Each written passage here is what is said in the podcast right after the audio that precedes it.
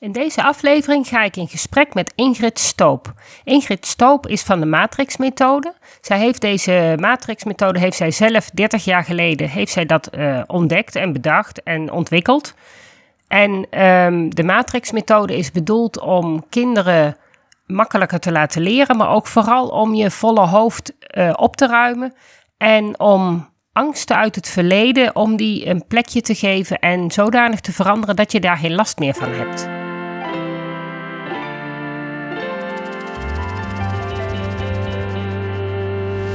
Welkom bij de Beelddenkers podcast. Ik ben Natasja Esmeijer van Beeldig Brein en de schrijfster van het boek Beelddenkers als kwartjes vallen. Ik neem jullie mee in de wereld van de beelddenkers. Beelddenkers zijn creatieve, intelligente en zorgzame mensen, maar ze hebben moeite met onze vluchtige, snelle maatschappij. Dat begint al op school en het werkt door in het werkende leven. Ik ga in gesprek met leerkrachten, ouders van beelddenkers en met de beelddenkers zelf natuurlijk.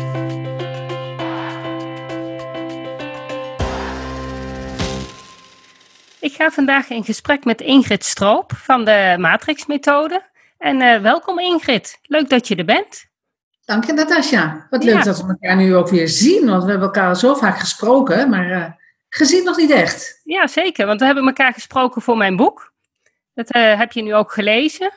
En um, ja, jij hebt ook een, echt zeker wel een, een aandeel gehad in, het, in, ja, in sommige stukken van het boek, dus dat is erg leuk. Erg ja. leuk dat we nou even met elkaar kan, kunnen uitwisselen wat, uh, ja, wat wij allebei over beelddenkers denken eigenlijk. Ja, nou, wil je dat doen in de vorm van vragen of zal ik wat vertellen over mezelf of wat zou je willen? Als jij eerst wat over jezelf vertelt, dan kunnen we straks nog even kijken of we wat vragen kunnen okay. denken. Nou ja, Ingrid Stoop, ik ben uh, bij toeval een keer op een vraag gestuurd bij, uh, bij een van mijn eerste cliëntjes zo'n 30 jaar geleden. Die zei, ik ben dyslectisch. Ik zeg, wat is dat? Uh, en toen, toen vroeg ik zomaar, toen stelde ik een vraag aan, toen zeg ik van, heb jij alle informatie van school wel op een rijtje staan? En toen zei hij, nu, zegt hij, het staat allemaal hier voor helemaal door elkaar. Ik zeg tegen hem van, hoe zou het zijn als je dat allemaal netjes op een rijtje zou zetten, dat je het wat makkelijker terug kunt vinden? Oh, dat zou wel makkelijk zijn, zei hij. En uh, in rekenen was het heel goed. Hij zegt dat, dat heb ik hier zo staan. Dat heb ik hier staan in een, um, in een soort bos, zegt hij. Want hij is ook heel natuurmens is dat. En heeft in alle bomen heeft hij bijvoorbeeld de tafels gehangen. Oh, wat apart. Ja, ja dat ja. vond hij heel erg handig. Dus ooit heeft, heeft hij dat aangeleerd op school en heeft hij ze gelijk in alle bomen gehangen. Dus daar staan ze de rest van zijn leven, omdat hij dat heeft geplaatst. Maar met taal had hij heel veel moeite. En bijvoorbeeld het alfabet stond helemaal door elkaar bij hem. En toen heb ik het matrixalfabet laten zien. En dat zijn gewoon vier rijtjes. Ik heb er nu toevallig niet bij de hand. Ik vraag even of iemand hem even pakt voor mij. Het oefenbladenboekje. Dus dan heb ik um, die, um, uh, dat alfabet netjes op een rijtje laten zetten. Heeft hij dat plaatje onthouden. Waar het alfabet heel makkelijk op staat. En um, toen kon hij handiger lezen. Ik denk, oh, dat is interessant. Ja, zegt hij, maar ik heb ook allemaal deurtjes in mijn hoofd staan. Ik zeg, deurtjes in je hoofd? Ja, zegt hij. En ik zeg, gaan ze allemaal open dan? Nee, zegt hij, ze gaan niet allemaal open. Ik zeg, hoeveel niet dan? Ja, drie. Hij wist het ook precies, hè? Oh, wat, ja. Ja. ja. ik zeg, wat ga je met die drie deurtjes willen doen dan? Nou, zegt hij, die moeten gewoon open. Ik zeg, nou, dan maken ze toch gewoon open? Hij zegt, dat gaat niet. Oké. Okay. Ik zeg, hoe gaat dat niet dan? Ja, zegt hij, de sleutel die is weg. Ik zeg, oké, okay, sleutel is weg. En wat zou je kunnen doen met die deurtjes waarvan de sleutel weg is? Hij zegt, die, um, ja, die kan ik openbreken met zo'n uh, zo'n zo'n breekijzer, zei hij. Uh -huh. Nou, pak maar een breekijzer. Ja, allemaal denkbeeldig natuurlijk, hè. Want die deurtjes staan natuurlijk niet in zijn hoofd, maar hij voelt ze wel, hij ervaart ze ja. wel. Daar had hij al die informatie achter staan van, van zijn school en zo. En toen heeft hij die drie deurtjes opengebroken en heeft hij de deurtjes buiten in een vuurtje gegooid. En daarna kon hij uh, bij die informatie komen van de moeilijke vakken die daarachter stonden. Nou, zo ben ik eigenlijk begonnen. Ja, wat leuk. En had jij het idee dat deze man echt dyslectisch was? Of was het echt het informatiesysteem in zijn hoofd dat niet werkte? Het informatiesysteem in zijn hoofd werkte niet goed. Ja, dus ja. dat is echt wat anders dan dyslexie. Dus eigenlijk ook wat ja. wij met het beelddenken, ja, ik benoem het dan als beelddenken. Uh, waarschijnlijk zal dat hetzelfde zijn. Ja, het is maar een naam natuurlijk. Uh, Deze jongen is een hele creatieve denker. Ja. Een hele creatieve denker, dus hij moet wat met die informatie op school. Ja. En hij wist gewoon niet precies waar hij moest laten. En uh, als je dat op een handige plek neerzet, kun je het daarna ook weer sneller terugvinden. Zeker. Maar ik heb wel het idee dat je daar een uh, bepaalde manier van denken voor nodig hebt. Wil je dat kunnen toepassen? En niet, niet iedereen kan dat. Op, niet, niet iedereen kan dat even makkelijk. Niet even makkelijk, nee, maar iedereen kan. Dat, dat, dat denk ik wel, maar ik denk dat het niet voor iedereen even efficiënt werkt. Oké. Okay. nou, laten we het zo zeggen. Ik heb uh, kinderen in mijn praktijk gehad waarbij ik een soortgelijke methode toepas. Inderdaad, ook met dat alfabet. Um, en sommige kinderen die, die lopen er gelijk mee weg. En die hebben het gelijk door, die zien het voor zich. Maar er zijn ook kinderen die gewoon, die zien het gewoon echt niet voor zich. En die kunnen daar dus niks mee. Vaak moet je er op een hele andere manier mee aan de gang.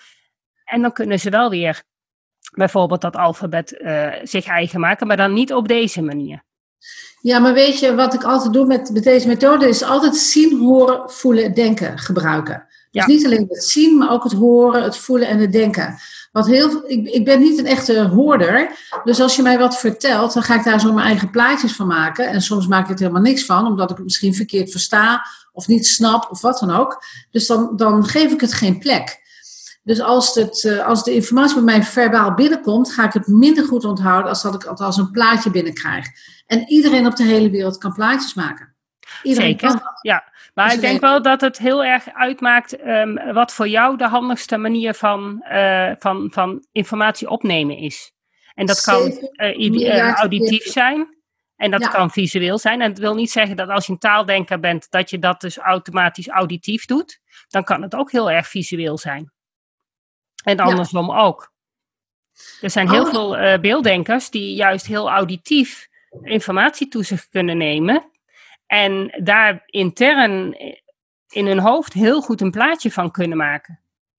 Maar dan maken ze ook weer hun eigen plaatjes. Zo, zo zijn er 7 miljard mensen op de wereld en iedereen doet het op een andere manier. Ja. Ik heb wel gemerkt dat dyslexie, tenminste dat het vaak zo genoemd wordt, dat het een onhandige manier van leren is. Maar wat je ook zegt, van als je het auditief binnenkrijgt, ga je in je, in je hoofd, zeg maar, ga je er wat van maken zoals jij denkt en verwacht dat het geschreven wordt. En daarom staan er vaak verkeerde woorden in het hoofd, omdat ze verbaal, fonetisch geschreven worden in dat kopie. Ja, het is ook net welke taalgebieden jij makkelijk toegang tot hebt. Als jij alleen het fonetische stuk kan horen en je hoort juist, omdat je heel hooggevoelig bent, uh, juist al die klanken, ja, ga je juist alleen die klanken omzetten naar letters. Maar heb jij ook nog uh, toegang tot andere auditieve gebieden die daar al automatisch een woord van maken, dan is dat vaak al veel makkelijker. Ja, en, en beelddenkers hebben niet altijd. Heel goed hebt, dat, dat heb je heel goed onderzocht, hè? dat hoor ik wel. Ja, ja dat heb ik zeker. Daar heb ik wel even goed uh, gekeken. We hebben ook wel uh, wetenschappelijke artikelen bijgehaald. Want ik heb wel zoiets dat moet wel kloppen. Ja. Ehm, ook alles wat ik in mijn boek heb staan, ik wil gewoon dat het klopt, dat ik het zelf heb uitgezocht.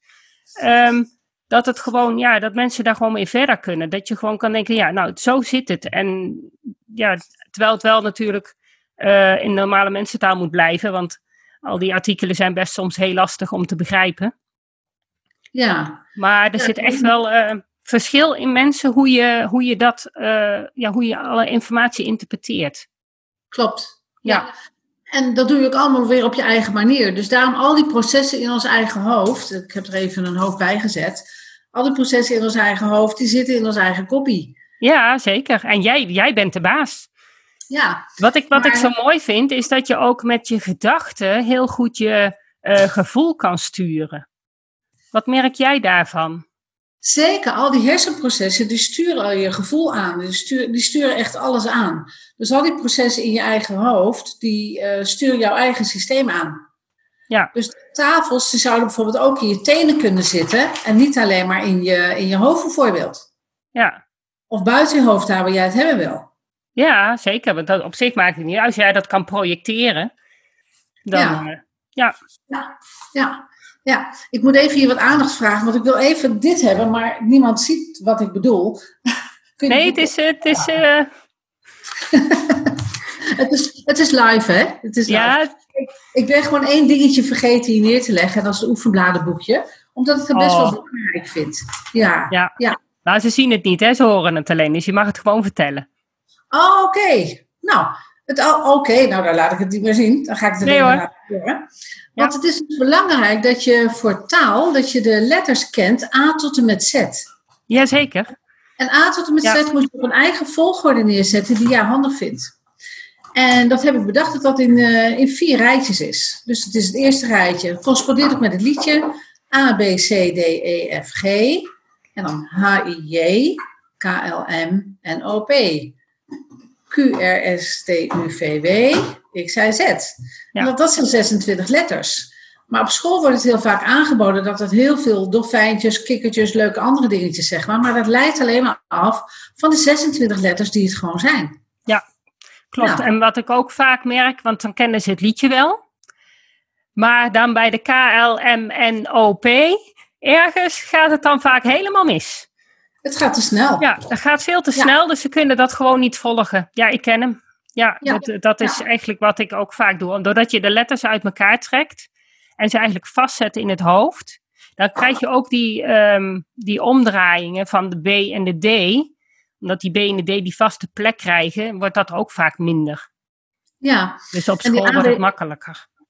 Ja, je moet zorgen dat het op die volgorde bij elkaar staat. Het is, de, het is zelfs zo dat ik uh, mensen als we het alfabet gaan aanleren, dat als ze er al eentje hebben in het hoofd en ze zetten eentje bij, dat ze daarna slechter gaan lezen.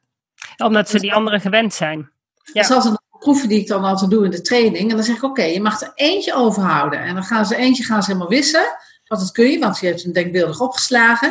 En dan gaan ze er eentje wissen en dan houden ze eentje over. En die maak ik dan heel, laat ik heel krachtig maken qua kleur en lettertype zoals ze dat willen. En daarna gaan ze sneller lezen, beter lezen, beter begrijpen. Nou, dat vond ik wel een hele mooie ontdekking. Ja, dat is zeker een hele mooie ontdekking. En dat heb jij 30 jaar geleden al ontdekt. Precies, ja. En dat Heb ik heel, heel, veel, heel veel mensen hebben dat getraind. Ja. En ook mensen uit het onderwijs, zeg maar. Want ik vind het in het onderwijs heel belangrijk dat kinderen leren hoe te leren. Ja, hoe ga je informatie onthouden? Dus hoe ga jij het opnemen, verwerken, opslaan, onthouden en weer gebruiken? Want het opstaan, onthouden, dat stukje wordt vergeten in het onderwijs. Ja, zeker. En eh, ik denk dat er een, een heel, het grootste gedeelte van de kinderen, die, die, die, die leren echt wel op dat, dat ja, die, die hebben voldoende aan dat herhalen. Die maken de hersenpaadjes en die kunnen op die manier gewoon leren lezen. Ja, er zit er ook een groep kinderen die gewoon met dat automatiseren ja, niet uit de voeten kunnen. En die kunnen het juist op deze manier vaak veel makkelijker onthouden. En dan kunnen ze ineens wel lezen. Maar als je ze bewust leert hoe te leren, dus hoe en waar ga je dit onthouden en op welke manier ga je dit onthouden, dan krijg je antwoorden van kinderen. Jazeker, ja. En dat zijn 7 miljard andere antwoorden. Eh, ja, dat maakt het ook zo lastig, denk ik, als leerkracht. Want je hebt 30, 32 kinderen in je klas en ze leren allemaal net een beetje anders. Weet je hoe makkelijk het is? Weet je hoe makkelijk het juist is? Ja, ik weet het, maar voor leerkrachten die weten dat niet. Nee, precies. Nou, die uh, proberen we te informeren met deze ja, podcast. Zeker, ja. Ja, ja, want als je uh, even één minuut per kind pakt, dan vraag je aan een kind: Oké, waar ga je dit onthouden wat ik jou nu laat zien? En dan zeggen ze: Nou, dan ga ik een uh, poster voor aan de muur hangen. Nou, maak een poster aan de muur. Dus dan gaan ze wat doen en dan zetten ze dat plaatje erop. En dan ga je hem nog een keer opnoemen, dus dan gebruik je ook het horen. Dat heb ik uit de NLP. Ja, dus zien, horen, voelen, denken. Ja, en NLP dat staat voor neurolinguistisch programmeren. Dus eigenlijk je gedachten uh, aanpassen en, en goed... Uh, je processen zelf beïnvloeden, ja, zodat het handig gaat werken voor jou. Dat is wat het is. En de, uh, wat ik ook vaak hoor in het onderwijs, dat ze niet weten waarom kinderen omhoog kijken met hun ogen. Dat, dat, ja. dat, weet, dat weten ze niet. Maar in NLP ook weer, dat zijn de oogbewegingen. Als iemand omhoog kijkt met de ogen, zoeken ze een plaatje. Ja, daar zit je visuele geheugen. Dus ja. daar kun je de plaatjes terugvinden. Ja, want als je met rekenen zit je volgens mij, moet je geloof ik op opzij kijken. Daar zit dan weer je, je rekenkundige. Ja. Nee, nee. Nee, zitten die ergens anders? Nee, als je het bij NLP bekijkt, die oogbewegingen, die hebben het over zien, horen, voelen, denken. Dus de zieners, dat zijn de visuele mensen, de mensen die graag plaatjes zien en kunnen onthouden. En ook weer terug kunnen vinden. Dat is natuurlijk ook belangrijk, hè? Ja. Kunnen vinden, die kijken omhoog met hun ogen. Ja. En als je omhoog kijkt met je ogen, daar kun je dat plaatje weer terugvinden of maken. Als je op oorhoogte kijkt, dan ga je eerst het geluid doen. Oorhoogte is uh, auditief. Ja, oh, dat zijn auditieve Ja. En beneden is het, uh, is het voelen en denken. Okay. Dus als je een leerling in de klas hebt, is het belangrijk dat je de lesstof overbrengt op vier gebieden. Op het zien, horen, voelen en denken. Dus wat ik altijd doe met het, bijvoorbeeld het alfabet, ik blijf er even bij, met het alfabet automatiseren, dan, uh, dan laat ik het niet eerst zien. Want er zijn best wel veel letters, 26 letters zijn best wel veel letters. Ja. Dus als je dan eerst laat horen en nazeggen, bijvoorbeeld A, B, C, D, E, F, G, zeg maar maar eens na. En dan gaan ze het hele alfabet zo nazeggen en dan hebben ze hem al in hun auditieve geheugen. Vervolgens laat ik stippen zetten voor alle letters die er zijn in die vier rijtjes. En dan heeft het ook weer een logica, hè, dus het is de logische volgorde. En ze hebben hem ook nog een keer gehoord. En daarna laat ik pas de letters zien. En dan kunnen ze die letters weer op de stippen zetten. En dan geven ze het een plekje waar ze het hebben willen, in of buiten dat hoofd. Of in hun tenen. Of Ja. waar ze het hebben willen. Waar ze het hebben willen. Ja, ja maar Ja. dat moet je per kind aan hunzelf overlaten.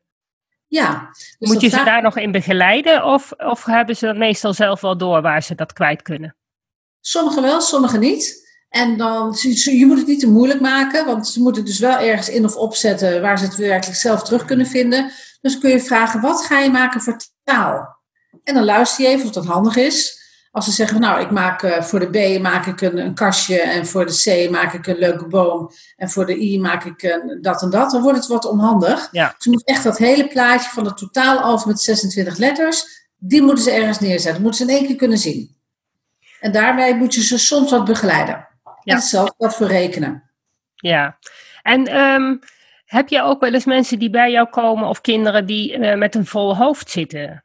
Want ik heb heel veel kinderen in mijn praktijk die ehm, ja, gewoon last hebben van een vol hoofd.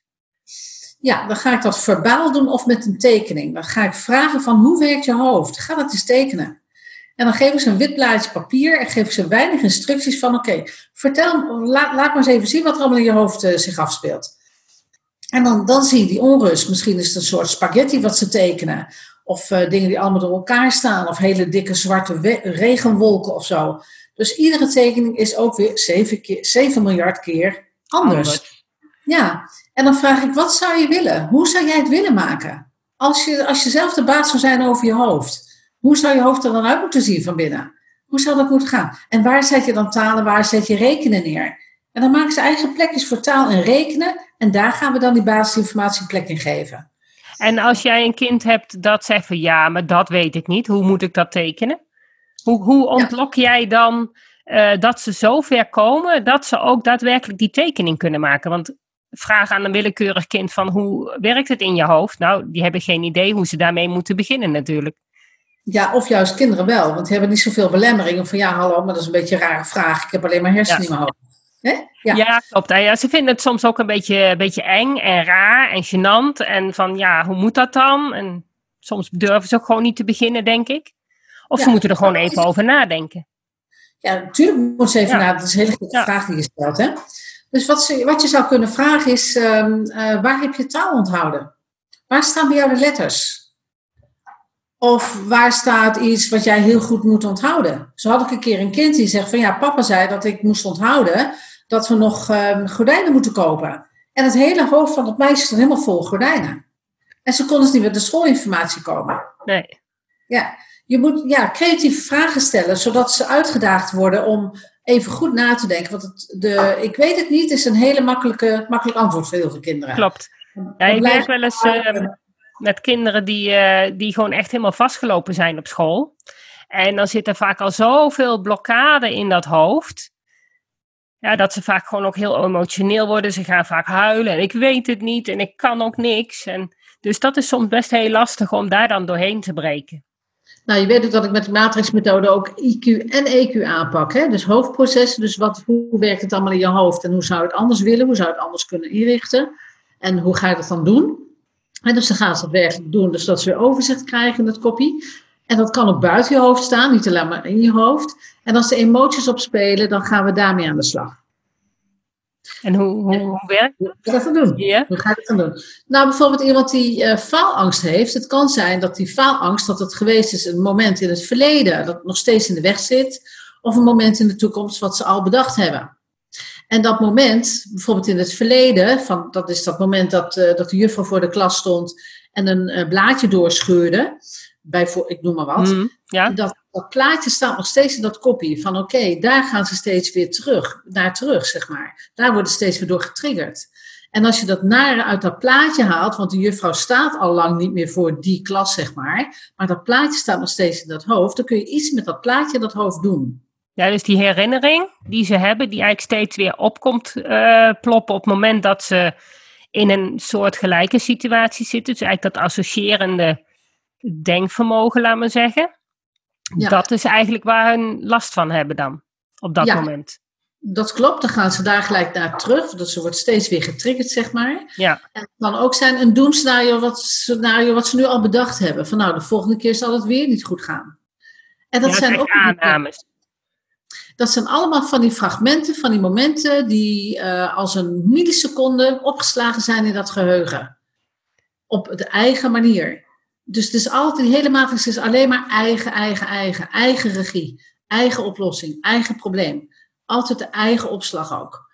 Dus als je gaat naar dat plaatje van de juffrouw die het plaatje doorscheurt, dan vraag ik van, wat is daar naar aan? Wat vind je het naarste op het plaatje?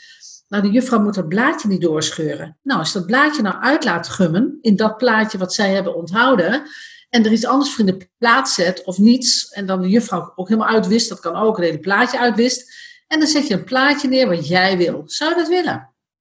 En dan gaan ze plaatjes onttriggeren, neutraliseren en weer vervangen. En dan wordt het een ander plaatje. Ja, ik vind het wel een heel mooi systeem, want het lijkt mij dat juist heel veel kinderen Um, zeker gevoelige kinderen, dat die best heel veel last hebben van, van dingen die in het verleden gebeurd zijn. En waar ze niet altijd de juiste context meer aan kunnen geven. Waarbij het gevoel dus eigenlijk heel erg overheerst. Waardoor het juist ja. zo traumatisch is. Terwijl eigenlijk de, als je gewoon vanuit als buitenstaander naar die situatie kijkt, er eigenlijk niet eens zoveel aan de hand is. Maar voor dat kind wel. Ja, ja, en vaak wordt ook weer gekoppeld aan eerdere situaties dan, hè? Ja.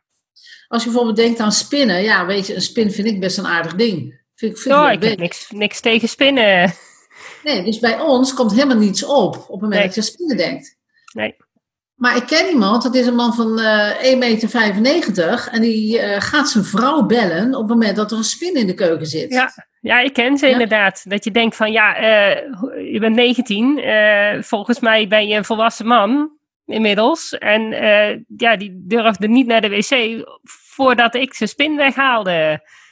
Dat, soort, dat soort dingen, ja. Ja, en de buitenkant, dus de andere mensen kunnen dit of dat erover zeggen, maar het gaat dus om de persoon zelf. Ja, en dan ga je het echt terug naar die gedachte. En die gedachte stuurt eigenlijk weer het gevoel. Terwijl. We gaan terug naar het fragment. Ja. En het fragment ja. is altijd een plaatje. 100%. In al mijn sessies is er altijd een plaatje. Ja, en Want dat, dat plaatje is dan uh, visueel en auditief en gevoel. Of alleen maar een plaatje. Het kan er allemaal bij komen, ja. maar soms is er alleen het geluid erbij. Maar er is altijd een plaatje. Soms kan er een geluid bij zijn. En of een gevoel en of een gedachte. Soms ook nog een reuk en een smaak. Ja. Dus we pakken al die elementen pakken we aan, die spelen bij dat specifieke fragment. Bijvoorbeeld die spin, misschien is die spin, nou op die wc bijvoorbeeld. Die spin, ik zie nog steeds dat plaatje van die spin. Het roept nu nog steeds een heel naar gevoel bij me op. Het geluid van die schreeuw van mijn moeder, die hoor ik ook nog steeds. En de gedachte van, nou alle spinnen zijn super eng. En die reuk en de smaak, die kunnen ook nog een rol spelen. Ja, dat zal per situatie verschillen, denk ik. Ja, dus je moet ja. ieder fragment van zeg maar waar je opkomt van dat ene specifieke moment, dan moet je de triggers uithalen, neutraliseren en vervangen zoals je het zelf wil onthouden. Want alles wat we onthouden staat in ons eigen brein. Op onze eigen manier opgeslagen. En dat wil ik graag de wereld duidelijk maken. Dus alles wat je onthoudt, als je het onthoudt, staat het in je eigen lange termijn geheugen. Ja, en daar kun je dus eigenlijk weer uithalen. En dan werk je, breng je het naar je werkgeheugen. En daar kun je het aanpassen. Precies. Ja. ja. Daar heb ik ook een werkmodel voor uh, ontwikkeld. Dus je gaat het even vanuit je, vanuit je lange termijn geheugen even naar boven halen. Zonder herbeleving. Want je gaat het niet herbeleven. Je gaat niet eens huilen. Als het ook heel erg is. Ook met trauma's bijvoorbeeld. Je gaat het even naar je werkgeheugen halen. Dan ga je de triggers eruit halen. Qua zien, horen, voelen, denken, ruiken, proeven. En dan kan die weer als onbeladen feit weer terug naar je lange termijn geheugen. En hoe zou je dit kunnen vertalen naar bijvoorbeeld het onderwijs? Stel dat jij een kind in de klas hebt als leerkracht die inderdaad uh, toch snel faalangstig is of snel op bepaalde dingen reageert. Uh, kun, je daar, kun je daar iets mee? Hoe zou je dat kunnen benaderen? Ik denk dat heel veel in het onderwijs ook met lesstof te maken heeft. Als een kind op school zit, hebben ze misschien ook zo'n soort van een soort modus van: oké, nu ben ik op school en daarna ben ik thuis. Daarom kunnen ook heel moeilijk kinderen thuis huiswerk maken, omdat thuis thuis is. Ja, thuis school hoort bij. Ja, ja. School is school en school is leren. Ja, dat zou, ook, zou ik persoonlijk ook het allermooiste vinden, ook voor jongeren en studenten enzovoort. Dat ze, dat ze het studeren, het leren, het lesstof opnemen en uh, onthouden doen in schooltijd, in studietijd die ze ervoor reserveren. Ja, Dat zou ik persoonlijk het mooiste vinden. Wat ik nog wel eens uh, wel uh, aan, ik, ik, begeleid ook pubers met huiswerkbegeleiding, dat als ze bijvoorbeeld een toets maken en ze krijgen bijvoorbeeld een blackout, dat kan gebeuren, maar dat ik ze dan eigenlijk altijd wel de tip meegeef van, goh, ga in je hoofd even terug naar de plek waar je was toen je dit aan het leren was, in alle rust. Gewoon je eigen, eigen kamertje, uh, kijk even, wat heb je toen, uh, ja, wat, wat, wat, wat heb je toen gelezen? Zie je het boek voor je, misschien zelfs de mindmap, als, als ze al zover zijn dat ze een mindmap maken als samenvatting. Kun je natuurlijk heel goed terug in je hoofd naar die mindmap. En op die manier heb ik al een aantal kinderen uh, uit die blackout kunnen krijgen. Dat ze echt op het moment dat ze inderdaad die blackout kregen, dat ze inderdaad die rust namen. En dan dachten van ja, maar op die manier kom ik weer tot uh, de kennis die ik inderdaad wel heb, maar op dat moment gewoon geblokkeerd was. Ja, dus eigenlijk heb je al een antwoord op je eigen vraag. Hè? Van oké, hoe zou je het best kunnen helpen met faalangst? Want faalangst kan natuurlijk ook die blackout zijn. Eén ehm, dingetje moet je dus niet doen: van ga even naar je kamertje. Want als bij mij in een boom staat, staat het niet in mijn kamertje. Nee, dat moet je per kind gewoon, gewoon ga even naar de. Nou, wat, wat ik eigenlijk bedoelde was gewoon de fysieke kamer waar je thuis leert. Oké, ja. Dus snap je? Dus gewoon ga even je gedachten terug naar die plek van waar, kijk naar hoe je zit te leren en hoe je dat opgeschreven hebt. Want vaak komt dan namelijk alle kennis weer terug. Ja, wat ik dan zou vragen is die blackout. Wat is dat voor jou? Wat, wat gebeurt er dan in je hoofd op het moment dat jij een blackout hebt? En de ene zegt van nou, dan gaat alles door elkaar, of dan gaan mijn deurtjes niet meer open, of dan, uh, dan gaat het mannetje heen en weer rennen, of, uh, of zoiets, of dan geeft hij geen antwoord meer of zo. Want er zijn ook heel veel kinderen die hebben gewoon mannetjes in het hoofd, die alles voor ze regelen. Ik heb een hoogbegaafd, nou, ik heb een hoogbegaafd kind gehad, die liep helemaal vast in het onderwijs en die heeft een miljoen, 1 miljoen mannetjes in zijn hoofd. Dat zijn er nogal veel. Ja. Die je uit dus elkaar moet houden. Ja, dat heb ik gevraagd. Misschien vind je het leuk even dat ik een voorbeeld geef. ja, mag. Ja, zeker. Ja? dus heb ik gevraagd aan, jou, aan hem van, uh, wat, wat zou je willen? Hij was acht jaar. Van hoeveel, hoeveel mannetjes heb je eigenlijk echt nodig? Want ik denk, als ik al die miljoen mannetjes weg laat halen, dan is het heel eng. Want dat is hij namelijk gewend. Ja. En ik zeg, hoeveel heb je er maximaal nodig? Nou, zegt hij één voor taal, één voor rekenen, één voor dat en één voor dat. Ik zeg, oké. Ik zeg, hoeveel dan? Ja, ongeveer tien. Nou, ik zeg, dan houden we er tien over. Wat wil je met die anderen allemaal doen? Nou, zegt hij, die kunnen op vakantie buiten mijn hoofd. Ik zeg, zet ze maar buiten je hoofd, stuur ze me op vakantie. Dus die waren daar weg. Ik zeg, maak de vrijgekomen ruimte maar helemaal schoon. Dus die waren weg en toen had hij weer ruimte. Ik zeg, die tien mannetjes, ik zeg, zijn die wel functioneel? Doen die wat, wat je wil doen? Zo, ik zeg, hoe werkt dat eigenlijk in je hoofd met die tien mannetjes? Want toen kreeg hij weer overzicht. Nou, zegt hij, die mannetjes die hebben, ja, wat hadden ze ook alweer? Uh, in ieder geval, ze zetten in ieder geval dingen open waar taal achter stond en waar rekenen achter stond en zo. Oké. Okay. stel je voor dat je dat zelf zou kunnen doen in plaats van die mannetjes. Zou dat nog een idee zijn? Nou, dat heb ik, krijg ik maar vijf nodig. Nou, ik zeg dan, wat wil je met die andere vijf doen? Dus zo gingen we minimaliseren dat hij zelf de regie weer kreeg over zijn eigen hoofd. Want hij zegt ook van ja, ik, uh, ik, ik, alles staat steeds door elkaar en ze doen gewoon niet wat ik wil. En soms slapen ze met z'n allen en dan, uh, dan kan ik er helemaal niet meer bij. En soms slapen ze overdag als ik op school ben. En dan s'nachts worden ze wakker en dan gaan ze allemaal dingen doen en dan, uh, dan kan ik niet slapen s'nachts.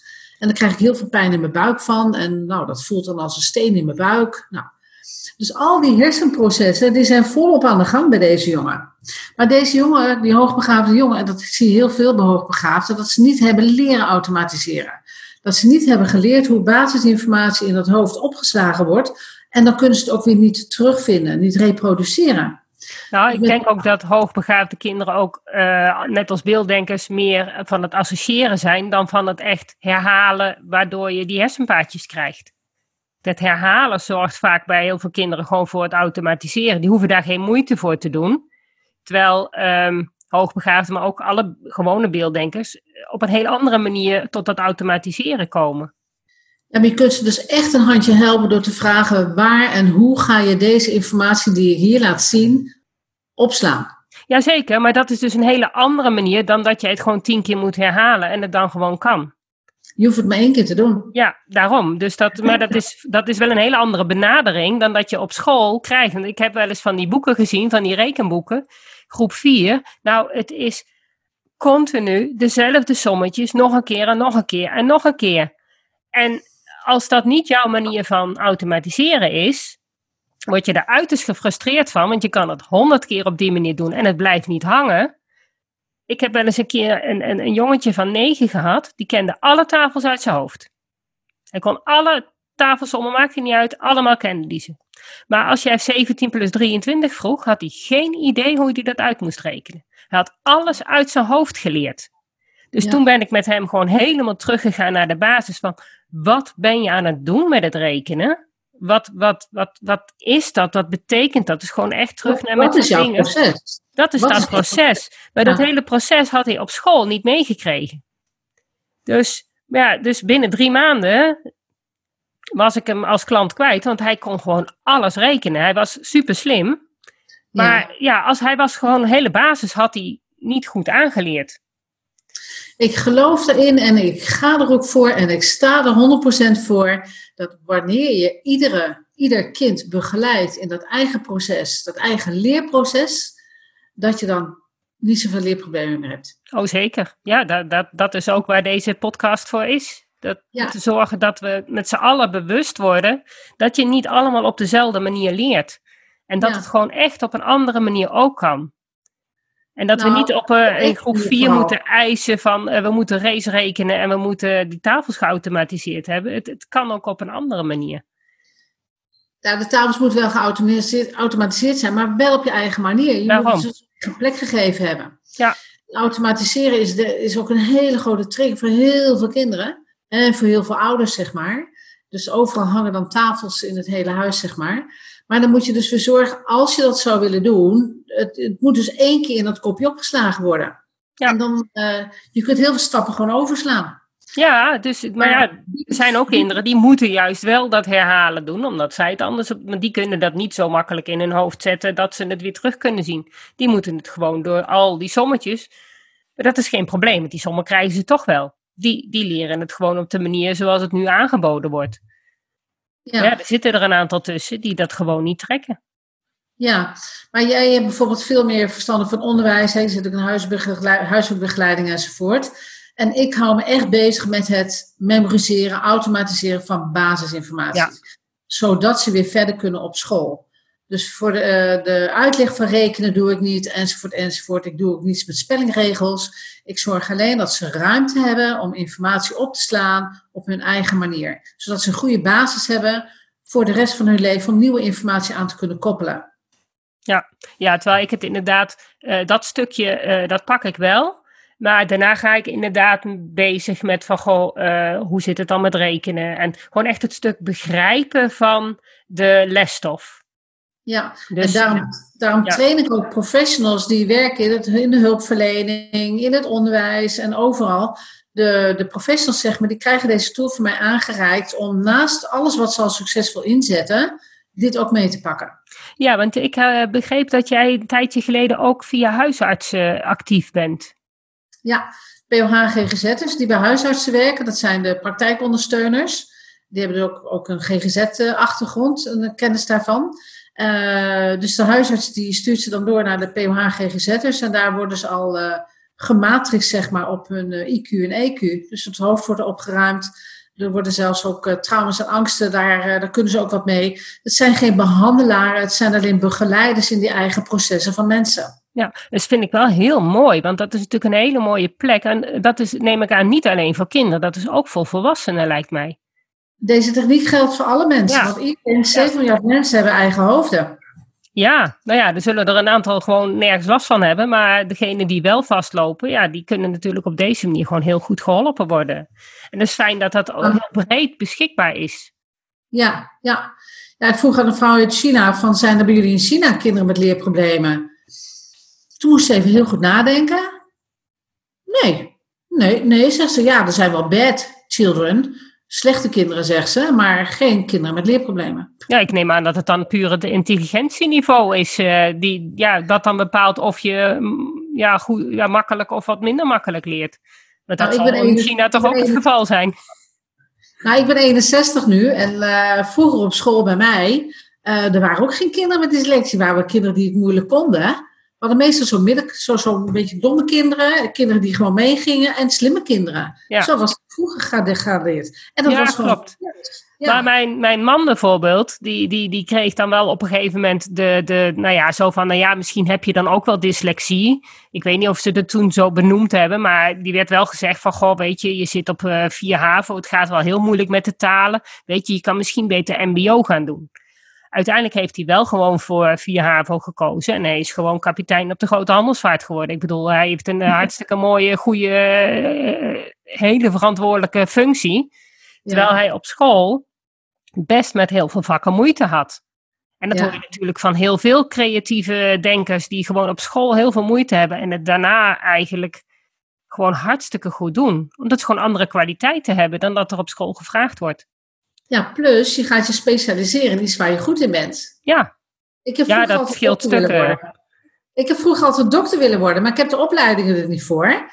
Maar nu train ik zelfs huisarts. Hoe vind je dat? Ja, ja dat is helemaal mooi, toch? Doe je toch nog een beetje wat je had willen doen. Ja. ja, maar als je naar de middelbare school, na, na de middelbare school, als je gaat keuzes maken over eh, je vervolgonderwijs, dan ga je richting je eigen beroep, wat je leuk vindt. Ja. Tenminste, niet altijd. Want het kan maar zijn dat je na een aantal jaren weer gaat switchen. Dat je heel wat anders gaat doen als waar je eigenlijk voor opgeleid bent. En dat zie je echt met zoveel mensen. Maar Zeker, dat, dat heb ik ook gedaan. Ja, zo in één keer hebben ze hun passie te pakken. En daar gaan ze zich helemaal in verdiepen. En daar worden ze kei goed in. Daar worden ze echt expert in. En daar hou ik van. Mensen die expert worden in hun eigen ding, hun eigen passie. Want weet je, dat geeft zoveel energie. Oh, zeker. Basis, ja. Basisschool en middelbare school, je moet er gewoon doorheen. Dat zijn veel vakken, dingen die niet allemaal lijken. Maar toch, als je het allemaal een plek gaat geven en weer terug kunt vinden, dan ben je al heel veel problemen bij je voor. Oh, zeker. Ja, en ook al, al is het alleen maar al dat je gedachten uh, positiever zijn, waardoor je ook veel beter gevoel krijgt. Dat je gewoon tevreden bent met jezelf en zelfvertrouwen hebt.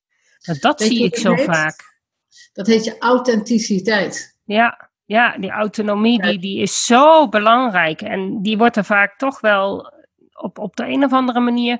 Zijn er nog altijd mensen die niet helemaal begrijpen dat er gewoon uh, andere kinderen zijn, of kinderen of, of andere volwassenen zijn, die gewoon op een hele andere manier denken en, en informatie opnemen.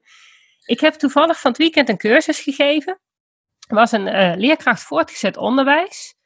En was een echte beelddenker. Nou, ik ben een taaldenker, dus ik denk echt op een hele andere manier.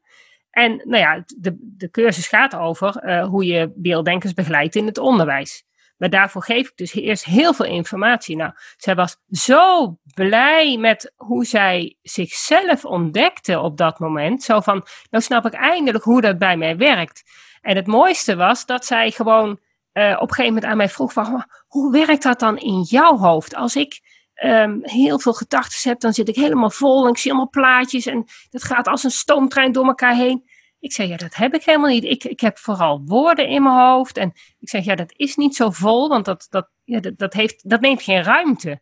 Dus zij vond dat zo apart om te zien dat, um, dat het dus niet altijd bij iedereen gaat zoals het bij haar in haar hoofd gaat. En dat is zo mooi, want we moeten dat allemaal leren. We moeten niet alleen die leerkrachten leren hoe het bij beelddenkers werkt, we moeten leren hoe het bij zichzelf werkt, maar ook dat het dus anders kan. Ja, ontdek jezelf. Ja.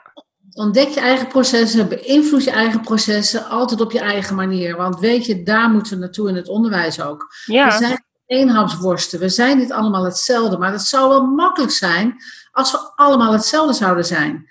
Wat een hele grote boost kan geven in het onderwijs. En wat een hele grote boost gaat geven. En ik, uh, ja, dat, dat, dat, wil ik dus ook verspreiden. Ga kinderen leren, zien, horen, voelen, denken. Dan heb je alle leerlingen van de klas. Dat is niet zo moeilijk.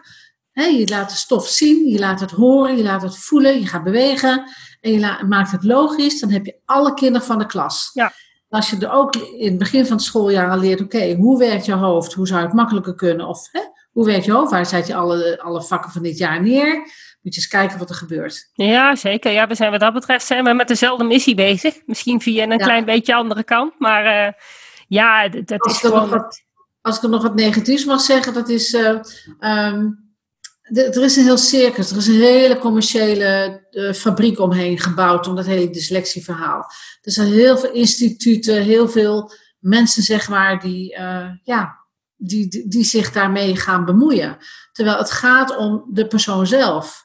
En er worden heel veel trucjes, dingetjes allemaal aangeleerd, boeken erbij gepakt, nog meer, al, al, nog meer uitleg, zeg maar. Het overspoelt ze allemaal. Terwijl je moet zorgen dat ze weer bij zichzelf komen. En dat is veel makkelijker. Ja, zeker. Veel makkelijker. Ja, ja. Dus, uh, ja, ja, dyslexie wordt vergoed en uh, wij worden niet vergoed. Dus daar zit een beetje een groot uh, probleem.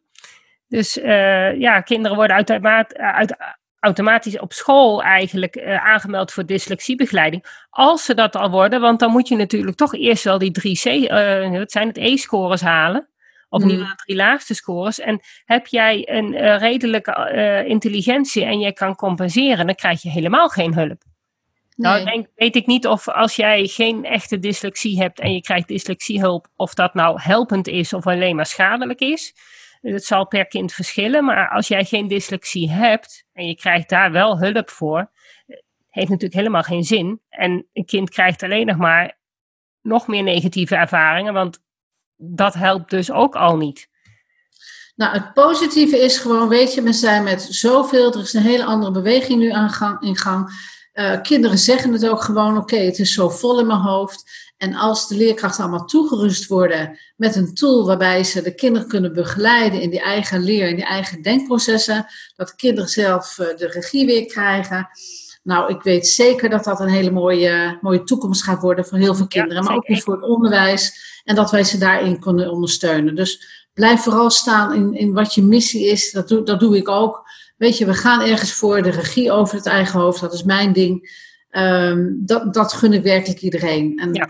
en wat dus denk jij van de PABO's? Want dat is natuurlijk de plek waar wij op zich, als wij deze techniek op de PABO aan leerkrachten zouden kunnen, eh, toekomstige leerkrachten zouden kunnen uitleggen. En dan denk ik ook dat we in eerste instantie die leerkrachten zelf moeten laten ontdekken hoe zij zelf denken, maar ook hoe hun mede leerkrachten eh, in spe denken dat je dat verschil daar al duidelijk maakt, dat ze zichzelf begrijpen, maar ook begrijpen dat dat niet voor iedereen hetzelfde is.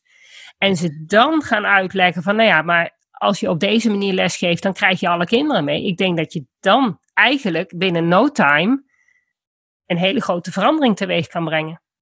Precies, en daarom ook deze podcast. Dus ik hoop dat heel veel mensen uh, die te maken hebben met onderwijs deze podcast gaan luisteren.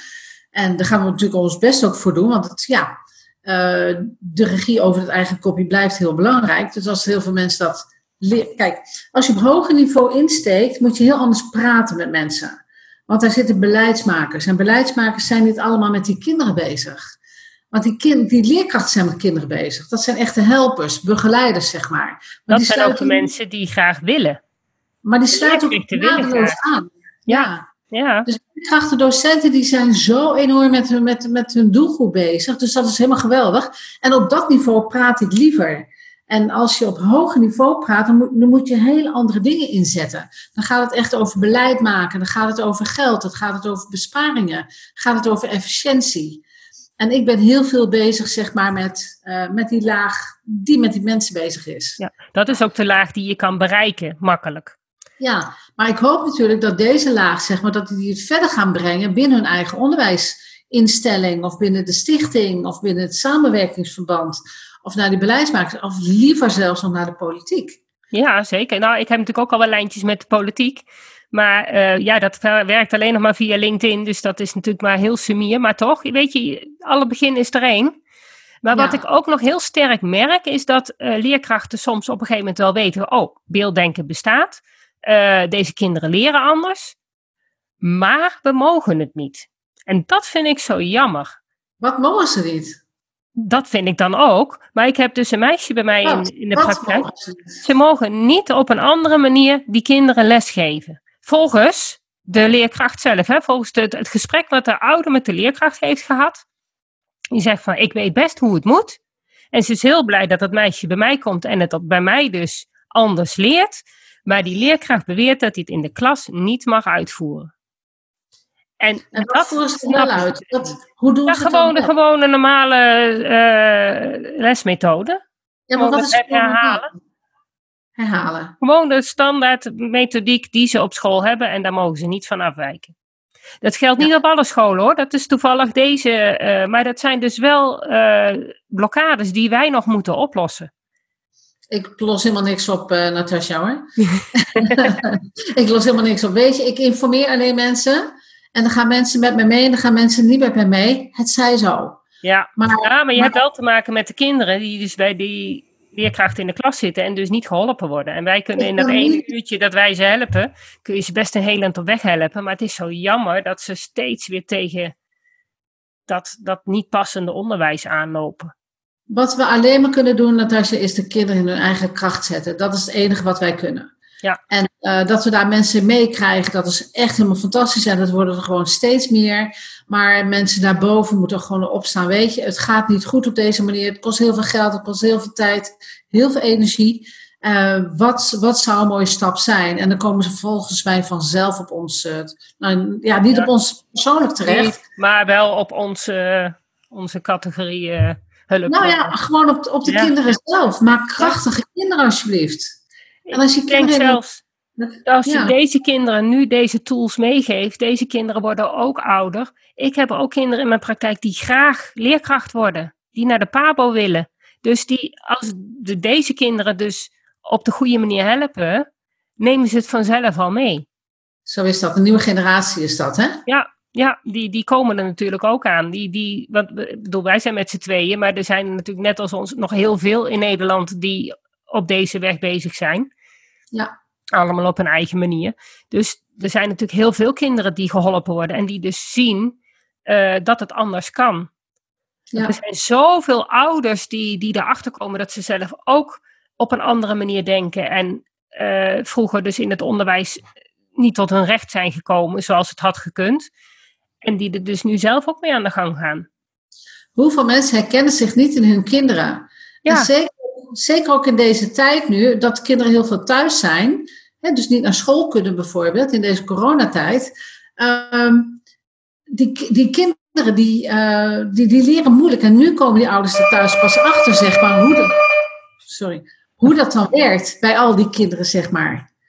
Dus nu komen ze er ook achter van, oké, ik heb het dus vroeger ook niet zo handig gedaan, bijvoorbeeld. Ja, ja klopt. En juist ook online, zeg maar, zou je die kinderen ook heel erg goed kunnen helpen, maar ook die ouders kunnen ondersteunen. Ja. Ja. En uh, op emotiegebied bijvoorbeeld, dan werkt natuurlijk ook op. Hè? Iedereen heeft zo'n zo'n eigen geheime, geheime ruimte, zeg maar, in dat hoofd, waar alle geheimen in zitten, waar ze niet over praten. Dus ook bij het oplossen van emotionele problemen. Heel veel jongeren bijvoorbeeld ook, die moeten gaan praten over hun problemen. Als je gaat praten over je problemen, ben je, ben je heel veel tijd kwijt. En de vraag is even, komen ze werkelijk bij het probleem wat werkelijk speelt? Gaan ze dat vertellen? Of zijn ze loyaal naar die persoon, zodat ze niet alle ins en outs gaan vertellen, maar wel een klein beetje? Ja, en, ja denken kun je veel meer. Ja, en vertellen kan ook wel wat, wat verlichten, zeg maar. Maar nog steeds zitten die fragmenten in dat lange termijn geheugen opgeslagen. Op die eigen manier. Zoals de juffrouw die dat blaadje doorscheurde. Ja. Zoals, zoals die persoon die heel naar, naar me keek. Zoals dat pestverleden. En dat kan veel harder nawerken dan dat de, de pester of de, de, de docent of de leerkracht of wie dan ook het, het ooit bedoelt of, of überhaupt ervaren heeft. Ik heb een heel mooi voorbeeld ook, heel kort hoor, van uh, als je bijvoorbeeld gepest wordt, dan heb je een soort muur. En daar, daar nou even een metafoor, een, een, houten, een houten wand, er worden allemaal spijkers ingeslagen met een hamer. Nou, al die spijkers kun je eruit halen, dus, dus door al die, die pestmomenten te relativeren bijvoorbeeld, maar die gaten blijven. Hmm. Dus ze hebben geen idee wat ze er allemaal mee aanrichten. Nee. Ik heb ook kinderen die zeggen van, uh, nou, er was, was, ook een meisje die had anorexia. En uh, ik, zeg, ik zeg, hoe is dat ooit begonnen? Ze zegt, mijn vriendin zei van, oh, je hebt wel een dikke onderkin. En dat was de start. Ja. Dus alles heeft een start. En ook die jongen met die miljoen mannetjes in zijn hoofd. Ik zeg, wanneer zijn die erin gekomen? Want je moet natuurlijk een vraag stellen. Je hebt wel een gesprek ja. met iemand. Ja. Ik zeg, wanneer zijn die erin gekomen? Ja, toen ik naar school ging. Ja. Toen ik uit mama's buik kwam. Toen zijn ze erin gekomen. Dus altijd het moment, zeg maar, van wanneer zijn ze ingekomen? Wat hebben ze voor nut? Hebben ze nu nog steeds nut of zou je het anders willen? Dus hoe is het nu en wat zou je willen? En dan heb je een hulpvraag te pakken. Ja, zeker. En heel veel kinderen zullen zeggen, dat weet ik niet. En dan moet je doorvragen. Ja. En merk je dat het ook vooral speelt bij uh, mensen met een hogere intelligentie? Dat je daar sneller uh, faalangst, sneller uh, meer problemen tegenkomt? Doordat ze meer met gevoel en meer met gedachten bezig zijn? Nou, heel veel met gedachten, denk ik. Ja, hè? ja maar dat, dat merk ik wel. Dat, dat, dat, dat, dat, uh, alles relativeren, weer bedenken en zo. En je laat wat zien. En oké, okay, bijvoorbeeld dat kopje laat je even zien. Oké, waar is dat gemaakt? Hoe duur was het? Waar is het gekocht? En hoe lang heeft ze hem al? Uh, er gaan heel veel denkprocessen gaan er gelijk in gang. En dan maakt het zichzelf heel erg moeilijk. Ja, veel aannames merk ik ook. Dat ze dingen aannemen omdat ze al van tevoren eigenlijk uh, anticiperen van... Oh, dat zou wel eens kunnen zijn of dat zou wel eens kunnen gebeuren... of die zou die persoon wel eens kunnen denken... En er dan eigenlijk ook vanuit gaan dat het ook zo wel zal zijn. Natasja, en daarop reageren. Altijd, je maakt altijd je eigen werkelijkheid. Ja, ja. ja, ik denk per situatie die iedereen een ander verhaal, een ander beeld in zijn hoofd heeft ook van hoe iets gebeurd is. Ja, die spinnenangst, ja. dat, dat is, is mijn trauma, zeg maar. Ja, of die overval, of uh, dat, dat trauma wat ik ooit heb meegemaakt, of bij seksueel misbruik zie je dat bijvoorbeeld ook. Hè? Dat zijn ook allemaal van die momenten die de persoon heeft meegemaakt.